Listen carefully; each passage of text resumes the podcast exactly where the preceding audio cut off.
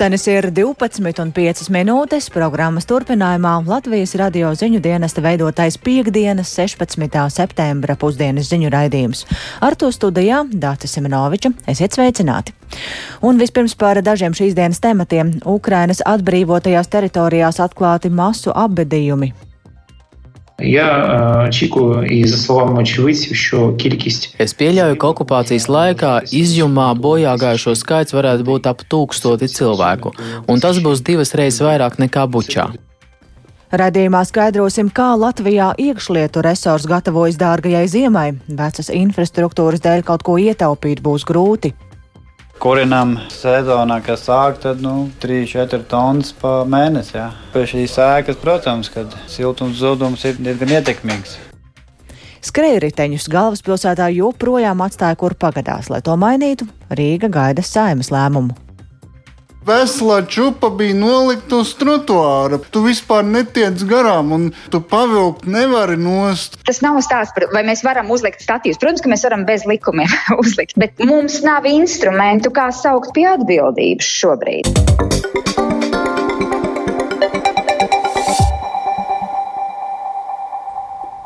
Ukrainā karš turpinās 205. dienu, un Krievija turpina apšaudīt Ukrainas pilsētas. Ukrainas varas iestādes ir atklājušas masu kapu netālu no nesen atbrīvotās izjumas pilsētas Harkivas apgabalā. Gandrīz pilnībā ir nopostīta arī pati izjuma.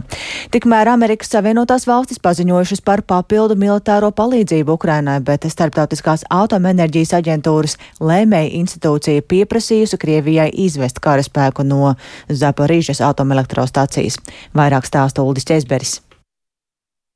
Ukrainas pēc iedzīvotāju skaita otra lielākā pilsēta Harkiva pagājušajā naktī pieredzējusi kārtējos Krievijas raķešu uzbrukumus, kuros ievainojumus guvuši vismaz četri cilvēki, arī piecus gadus vecs bērns. Arī šoreiz ir apšaudīti nevis militārie objekti, bet dzīvojamie rajoni, paziņojis Harkivas mērs Ihors Terehovs. Šonedēļ Harkiva gandrīz ikdienu ir pieredzējusi Krievijas raķešu uzbrukumus, taču tie vairs nav tik masīvi un postoši kā vēl pirms dažiem mēnešiem. Ukrainas bruņoto spēku atbrīvotajās teritorijās Harkivas apgabalā atklājas arvien jaunas nežēlības, ko okupācijas laikā ir pastrādājuši Krievijas karavīri. Mežā netālu no Izjumas pilsētas ir uzieti masu kapi, kuros varētu būt apglabātas nemazāk kā 440 cilvēku mirstīgās atliekas. Apbedījumus apsako tiesu medicīnas eksperti, lai varētu identificēt tur apglabātos cilvēkus. Ukrainas prezidents Volodimirs Zelenskis informēja, ka šodien masu apbedījumus varēs apmeklēt vietējie un ārvalstu žurnālisti. Mēs gribam, lai svīt zinātu Що реально відбувається і до чого призвела російська окупація? Mēs vēlamies, lai visa pasaule uzzina, kas patiesībā notiek un pie kā ir novedusi Krievijas okupācija - Buča, Mariupola un tagad, diemžēl, arī Izjuma. Krievija visur aiz sevis atstāja nāvi, un viņiem par to ir jāatbild. Pasaulē ir jāsauc Krieviju pie reālas atbildības par šo karu, un mēs darīsim visu, lai tā notiktu. Відповідальності за цю війну. Зробимо все для цього. Liecības par Krievijas armijas pastrādātajām zvērībām ir arī pašā izjumā, kur esot iznīcināti aptuveni 70% ēku. Ukrainas iekšlietu ministra padomnieks Antons Geraščenko pastāstīja, ka no Krievijas aviācijas bumbu sagrautas mājas drupām esot izcelti 47 cilvēku līķi, bet pilsētā nogalināto iedzīvotāju skaits varētu būt daudzkārt lielāks. Es pieļauju, ka okupācijas laikā izjumā bojā gājušo skaits varētu būt ap tūkstoti cilvēku, un tas būs divas reizes vairāk nekā Bučā. Protams, mēs visu pārbaudīsim. Zvisno, Ukrainai joprojām ir nepieciešami rietumvalstu ieroči, lai turpinātu sekmīgi aizstāvēties pret iebrucējiem. ASV prezidents Joe Bidenis ir apstiprinājis jaunu militārās palīdzības paketi Ukrainai 600 miljonu dolāru vērtībā. Jaunajā palīdzības paketē būs iekļauta munīcija raķešu sistēmām Haimars, 4 haubices un 36 tūkstoši lādiņu, nakts redzamības iekārtas, atmīnēšanas iekārtas un cits aprīkojums. ASV aizsardzības departaments paziņojis, ka jaunā palīdzības pakete iekļauj arī Ukrainas karavīru apmācības. Kopš Krievijas iebrukuma februārī Ukraina no ASV ir saņēmusi militāro palīdzību aptuveni 15 miljārdu dolāru vērtībā. Startautiskās atomenerģijas aģentūras pārvaldnieku padome apstiprinājusi rezolūciju, kurā Krievijai tiek pieprasīts izvest savu karaspēku no Zaparīžas atomelektrostacijas, kas pēdējās nedēļās ir vairāk kārt apšaudīta, pastiprinot bažas par iespējamo kodola katastrofu. Dokumentā teikts, ka padome pauž nožēlu par Krievijas federācijas pastāvīgo vardarbīgo vēršanos pret kodoliekārtām Ukrainā, tostarp ar spēku sagrābjot kontroli pār kodoliekārtām. Rezolūcija arī pieprasa Krievijai nekavējoties pārtraukt jebkādas militāras darbības Zaporīžas atomelektrostacijā un tās apkaimē un nodot kontroli pār spēkstaciju Ukrainas varas iestādēm. No 35 aģentūras pārvaldnieku padomes dalībvalstīm 26 atbalstīja Ukrainas izstrādāto un Polijas un Kanādas iesniegto rezolūciju. Divas - Krievija un Ķīna balsoja pret, bet vēl septiņas valstis, tostarp Indija, balsojumā atturējās paust skaidru pozīciju. Uldis Česberis, Latvijas radio.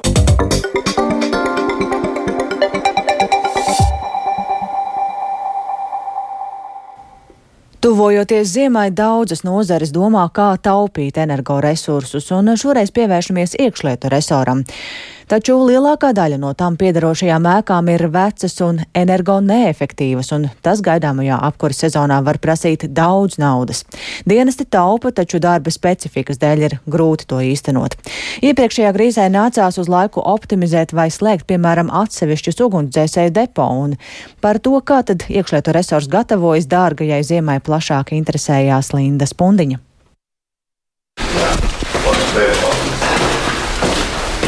Esmu valsts ugunsdzēsības un glābšanas dienesta Sigultas daļā, kur mani sagaida komandieris Uldis Millers. Apkurss sezona vēl nav sākusies, bet uh, mums ir siltumiņš. Var redzēt arī, ka telpas ir novecojušas. Telpas ir novecojušas, telpas ir mazas. Sēgas biezas. Mēs paši kurinājām. Malkas apkura? Brikets, cik mēs paši sakurinām, cik arī siltums ir. Kā mēs kurinām sezonā, kas sāk, tad, nu, kā jau saka, 3-4 tonnas pa mēnesi. Pašiem ir termometrs, kur mēs regulējam nu, to 22, 24 grādu, lai telpās. Pie šīs ēkas, protams, kad siltums zudums ir diezgan, diezgan ietekmīgs. Jo dažās vietās vēl ir vecie logi vēl garāžā, kā piemēram. Glābēji norāda, ka mēģina taupīt elektrību, taču apgaismojumam jābūt gandrīz visās telpās visu dienu. Tā dežūra gaisma, kam jādeg visu laiku, ir. Garažā dežūrēm jādeg visu laiku. Naktī ārā pēc sienas arī gaismām jābūt. Ir. Nu, tu nevari vienkārši. Kāpņu telpā, kur tiek kastāta gaisma un garāžās ir arī slēgt ārā, skriet pa tumsu, un tas nav prātīgi. Iepriekšējā krīzē Vugdu uz laiku optimizēja vai īslaicīgi slēdza atsevišķas struktūra vienības. Šajā krīzē to būtu grūti īstenot, stāsta dienesta priekšnieka vietnieks Inters Zitāns. Jo dažas no tām struktūra vienībām, kas kādreiz bija apstādinātas uz laiku, tagad ir vispār optimizētas. Pagaidām to neplānojam, bet kaut kāda resursa trūkuma pēc, vai cilvēka resursa trūkuma pēc, vai nepietiekošās tehnikas pēc vai energoresursu trūkuma pēc. Var gadīties, ka kādu struktūru vienību uz laiku būs jāapstādina, un šeit tad ir jāatzīmē, ka diemžēl arī mūsu pakalpojuma pieejamība tiks samazināta. Tas pakalpojums tiks sniegs jebkurā gadījumā. Mēs nevaram nesniegt savus pakalpojumus. Jautājums tikai kādā laikā, cik ātri mēs ieradīsimies. Arī valsts policija līdztekus citām iestādēm ievēros un īstenos rekomendētos resursu taupības pasākumus, protams, pielāgojoties dienestu vajadzībām. Policijā norāda, ka jau šobrīd pievērš pastiprinātu uzmanību resursu taupības pasākumiem, tostarp racionalizējot to izmantošanas intensitātu un nepieciešamību. Nodrošinājuma valsts aģentūra apsaimnieko un pārvalda iekšlietu resoru nekustamos īpašumus. Aģentūra sagatavojusi galvenās vadlīnijas, kā nozarei pārcies gaidāmo apkursu sezonu taupīgi. Turpina aģentūras pārstāve Vendija Pikša Kučma. Ir jārunā par tādu samērību, ko drīkst un ko nedrīkst taupīt, lai mēs tā kā, nu, savu drošību un valsts drošību neapdraudētu. Iekšlietu resorā mums ir specifiski darba apstākļi, piemēram, maiņu darbi, dažādas dežūra daļas, izolatori, autogārāžas, tehniskās telpas un citas nestandarta darba vietas, kur gaidāmais ietaupījums noteikti nebūs ne tuvu tāds, lai mēs varētu nostakt šo sadārdzinājumu, taču mēs noteikti centīsimies samazināt patēriņu, cik vien to ir iespējams izdarīt. Daļa nodarbināto strādās attālināti, taču lielākā daļa klātienē darba specifikas dēļ. Linda Spundiņa, Latvijas radio. Lai sektu energoresursu sadārdzinājumu, iekšlietu resoram šogad trūkst vairāk nekā 5 miljoni eiro. Pēc nodrošinājuma valsts aģentūras aprēķiniem iekšlietu ministrija no sava budžeta varētu sekt nepilnus 4 miljonus. Ministrijas valsts sekretāra vietniece Ingūna Aire teica, ka iekšlietu resurs cer uz papildu finansējumu. Ar viņu sarunājās Līna Spundiņa. Šogad energoresursu sadārdzinājuma sekšanai iekšlietu resorā trūkstošais finansējums ir 5,36 miljoni. Un oktobrī naudas elektrības apmaksāja par septembra mēnesi šobrīd uh, mums vairs uh, nav. Un cik mēs zinām, Finanšu ministrija šobrīd gatavo izskatīšanai politiķiem risinājumu par to, kā šo energoresursu sadārdzinājumu visā valsts pārvaldē varētu nosekt. Protams, ļoti gaidam šo papildus finansējumu. Ministrija ir uzsākusi energoresursu taupības pasākumus. Kā rezultātā mēs prognozējam šo energoresursu patēriņu samazinājumu, tomēr netik lielā apjomā lai nosaktu pieaugušo sadārdzinājumu. Cik lielu daļu no sadārdzinājuma ministrija var sekt, ieviešot taupības pasākumus? Protams, ka iekšlietu ministrijas mērķis e, ilgtermiņā kopīgiem spēkiem ir samazināt energoresursu patēriņu līdz 10%. E,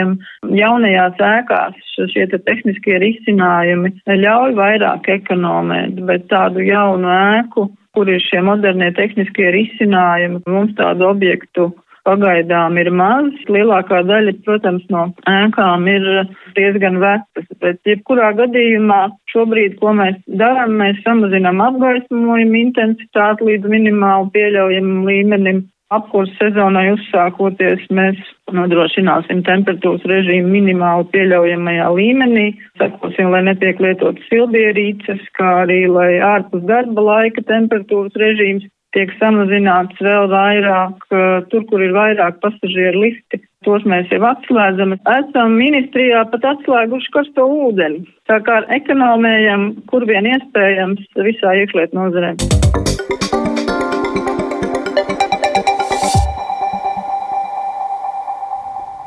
Skaļais kukuļošanas gadījums valsts ieņēmuma dienestā, kad tā darbinieki no uzņēmēja centās izspiest 100 tūkstošu eiro kukuli, vainagojies ar dienesta ģenerāldirektoras Ievas Jaunzemes atstādināšanu no amata. Šādu rīkojumu devis finanšu ministrs Jānis Rēš no jaunās vienotības, kurš nav apmierināts ar Jaunzemes darbu, sakot, ka vidi ir lieli trūkumi iekšējās kontrolas mehānismos un uzraudzībā, kas ir noveduši pie šādas situācijas.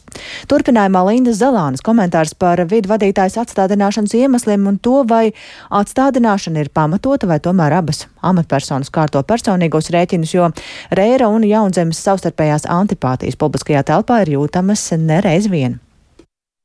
Formāli iemesli, kādēļ finanšu ministrs Jānis Rērs no jaunās vienotības no amata atstādinājis valsts ieņēmuma dienesta ģenerāldirektoru Ievu Jaunzemi, ir divi. Pirmais saistīts ar kukuļošanas lietu, kas plašākai sabiedrībai tapa zināms svētdien, proti aizdomās par koruptīvām darbībām, aizturēt vismaz trīs bijušie ilggadējie vide darbinieki. Iespējams, ar viņiem sadarbojies vēl kāds kolēģis. Pret diviem pierādījumiem ir tik daudz, lai viņi atrastos apcietinājumā.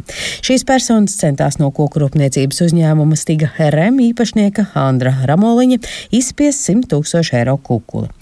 Reirs uzsver, ka šis ir lielākais augsta ranga amatpersonu aizturēšanas gadījums Latvijā. Viņa ieskatā vidi ir lieli trūkumi iekšējās kontrolas mehānismos un uzraudzībā, kas ir noveduši pie šādas situācijas. Un tas iet roku rokā ar otro iemeslu. Reira prāti Jaunzeme nav dienestā pilnvērtīgi ieviesusi finanšu ministrijas ieteikums, it īpaši, kas attiecas uz vidu amatpersonu rotāciju. Šis jautājums tika aktualizēts pēc tam, kad pagājušā gadā Teheraus robežu kontrols punktā par kukļošanu aizturēja 29 muitniekus. Reirs vērš uzmanību, ka kopš tā laika neviena vidējā un augstākā ranga amatpersona vidā nav norotējusi.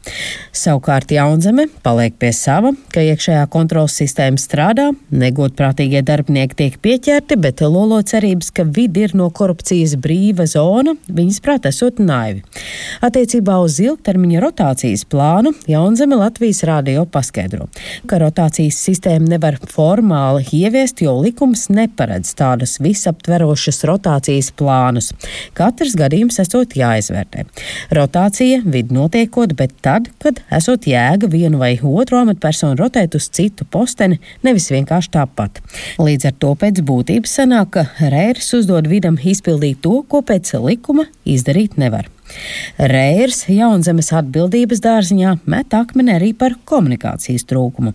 Pēc Rēra domā nav pieļaujams, ka Jaunzeme vairākas dienas, kad apzināms skaļais kukļošanas gadījums vidā, nesniedza komentāru nedz sabiedrībai, nedz arī pašam finanšu ministram. Jaunzeme Latvijas radio skaidroja, ka dienestam bija vienošanās ar procesa virzītāju, proti Knabu un prokuratūru, ka vidi komentārus nesniedz, lai neizjauktu lietu. Arī Jaunzeme gaidot iespēju iepazīties ar lietas materiālu materiāliem, lai saprastu, kur kontrolas mehānismā ir šis rops. Lai gan pagaidām ir grūti prognozēt, vai jaunzeme patiesi zaudēs amatu vai tomēr ne, bet tālākie soļi ir skaidri. Viņa uz dienesta izmeklēšanas laiku ir atsādināta no amata, lai netraucētu izmeklēšanai. Jaunzeme pienākumus veikt nedrīkst, bet algu un sociālās garantijas par šo posmu saņems. Par jaunzemes atsādināšanu nākamnedēļ lems valdība. Jaunadēļ koalīcijas politiķi arī gaida plašāku informāciju no paša Rēra par jaunzemes atsādināšanu. Bet Rērs savu atbildību, lai gan vidi ir finanšu ministrijas pakļautības iestāde, nesaskata un neplāno atkāpties no amata. Jaunzeme vajadzības gadījumā sola savu taisnību aizstāvēt arī tiesā, sakot, ka lieta, kurā vidi darbinieki pieķerti kukuļošanā, vēl nav nonākusi prokuratūrā, bet Rērs jau viņu publiski ir notiesājis kā vainīgu. Jāteic, ka Rēra un Jaunzemes attiecības jau iepriekš nav bijušas spīdošas, abas amatpersonas publiski apmainījušās ar dzelībām un arī reiz tikušās tiesā, kas lēma par labu Jaunzemē. Rīgas Stradiņa Universitātes politikas zinātnes katedras docente Lelde Metla Rozentāla sarunā ar Latvijas radio pauž, ka šoreiz kukuļošanas lieta patiesi ir nopietna un šī nav tikai personīga rēķina kārtošana. Jā, Rēra un Jaunzemes attiecības ir saspīlētas, savstarpējās antipātijas ir jūtamas, bet viņas prāt Jaunzemes atstādināšana ir pamatot. Protams, bija skaidrs, ka tad, kad šis skandalozais gadījums ar kukuļa prasīšanu un visu to no uzņēmēja nāca klajā svētdien, tad uh, skaidrs bija, ka, nu, visdrīzāk uh, galvas ripos, kā saka, jo tas uh, gadījums bija, nu, ārkārtīgi kliedzošs un līdz ar to šoreiz es nevarētu teikt, ka tā ir tikai kaut kādu personisko rēķinu kārtošana un priekšvēlēšanu gaisotne, nu, kurā tad seko šāda te ministra reakcija. Jo man, nu, tā kā šķita, ka ir nedaudz jocīgi, ka pēc šī te mm, atklājuma, pēc tik liela korupcijas gadījuma, nu, vēl tā kā pirmā brīdī bija tāds klusums. Vien piebildīšu, ka Jaunzeme vide vadības amatā ir četrus gadus. Iepriekš viņa sešus gadus vadīja konkurences padomi bijusi arī padomniece Latvijas pastāvīgajā pārstāvniecībā Eiropas Savienībā, kā arī četrus gadus ieņēma Latvijas darba devēja konfederācijas ģenerāldirektoras krēslu. Linda Zalāne, Latvijas radio.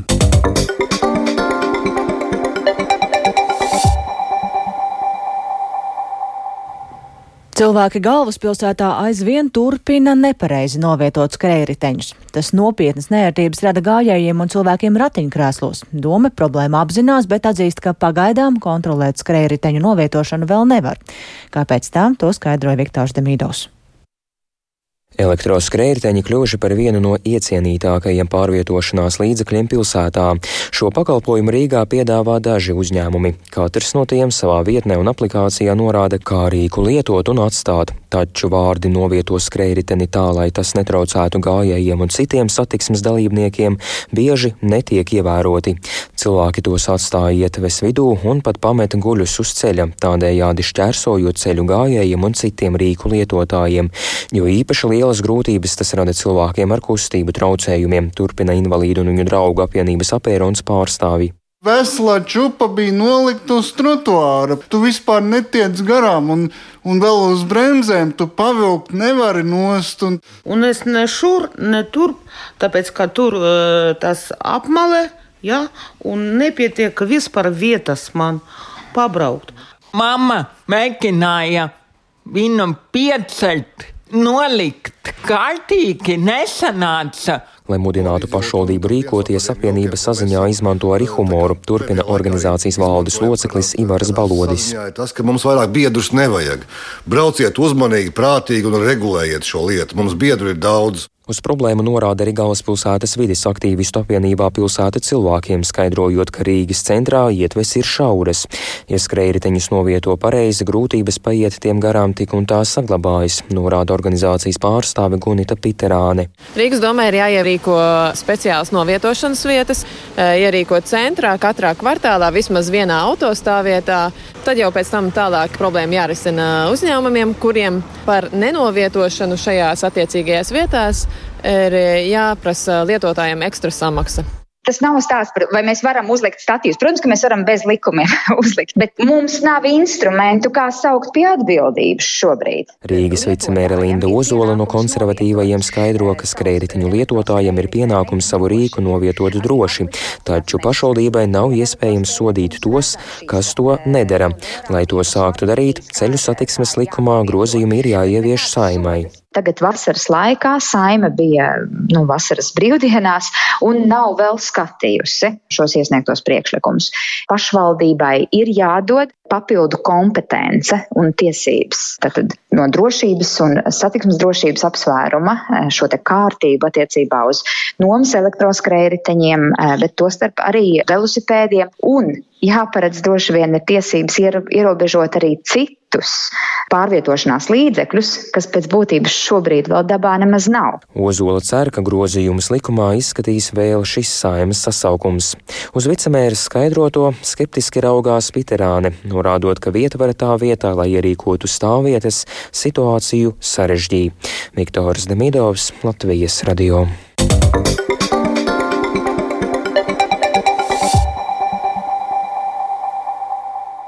Savukārt nedēļas nogalē Siguldā būs ikgadējā rudens stādu parāde. Stādu audzētāji gan vietējā tirgu ir novērojuši pirktspējas kritumu. Turklāt arī šo nozares kā izēvielu trūkums un augstas enerģijas izmaksas, bet pandēmiju ietekmēja, pandēmijas laikā ietekmēja tirzniecības ierobežojumi. Stādu audzētājiem gan izdevies saglabāt saimniecības un ātri pielāgoties jaunajiem tirgošanās veidiem. Uz nozares nākotni viņi raugās piesardzīgi. Plašāk Sintīs Ambotas ierakstā. Šogad vīnogas ļoti vēlu ziedēja, un principā vīnogu dārzā aizkavēšanās ir 3 līdz 4 nedēļas. Iesim, es jums parādīšu, kā izskatās. Siguldas novada stādaudzētavā skāduļi saimniece Jana Drēviņa rāda, ka liela daļa vīnogu vēl nav iekrāsojušās, lai arī ierasti. Šajā laikā tās jau ir uzkrājušas cukurus un lielākoties nolasītas no lauka. Starp vīnogulājiem vietām redzamas arī izkurtu ugunskuru vietas, jo tādu laukus nācies arī sildīt, lai pirmajās salnās raža nenosaltu. Pandēmijas laikā uz saimniecību pēc stādiem vairs nebrauc pircēji no Somijas un Zviedrijas, kas iecienījuši Latvijas vīnogu stādus. Vienlaikus dažādu ierobežojumu dēļ no vietējo puses pieauga interese par stādīšanu un piemājas dārziņu iekopšanu. Taču runājot par rudens stādu tirgiem, Jāna Drēviņa saka, ka šoruden ir jūtams pirktspējas kritums. Jā, agrāk pirka diezgan neapdomīgi spontāni, tur 5 un 7 stādus un 10 stādus, tad šogad izvēlās dažas pārējās pierakstus uz nākotni, cilvēki naudiņu pietaupa. Turpat Siguldas novadā citā stāda audzētavā baižas audzē ziemcietas. Principā dārzniece esmu 4. Paaudzē. Arī stāda audzētājs Zane Zeltiņa stāsta, ka šajā sezonā tādu veģetāciju krietni iekavēja vēlais pavasaris. Arī es neatceros tādu gadu, kad mēs augus, kurus liktos māja sākumā, nu viss, nu jāmet laukā, nu viņi nav dzīvi, māja beigās viņi pamostās. Bet tālāk pa vasaru, teiksim, man liekas, nu, absolūti grēks sūdzēties šogad. Protams, arī rudens ir pabīdījies uz priekšu. Ziemciešu audzētavā gan nav jāapsilda siltumnīcas, kas šeit šobrīd ir liels saimniekošanas pluss, taču ietekmi rada arī minerālu mēslu un kūdras sadārdzinājums, kā arī izēvielu piegāžu kavēšanās. Savukārt pirktspējas kritumu audzētavā pagaidām nenovēro. Pašlaik nevar sūdzēties. Ir vietas, kur stāda centros saka, ka rudens paliek klusāks, bet viss notiekās. Pagājušajā nedēļā bijām Liepājā un Rundālā, un cilvēkiem ir interesi. Covid ir ļoti iemācījis mūs strādāt attālināti, mēs ļoti veiksmīgi sūtam ar pakumātiem. Augus. Šajā nedēļas nogalē Siguldas svētku laukumā noritēs ikgadējais dārzkopības sezonas noslēguma tirgus, jeb rudens stādu parāde, kur pulcēsies stādu audzētavas no visas Latvijas. Sinti Amboti, Latvijas radio. Tas arī viss ziņu programmā pusdiena. Producents Viktors Pupiks ierakstus montēja Renāša Šteimanis, par labskaņu rūpējās Katrīna Bramberga un ar jums sarunājās Dācis Semenoviča. Vēl īsi par svarīgāko Ukrainas atbrīvotajās teritorijās atklāti masu apbedījumi.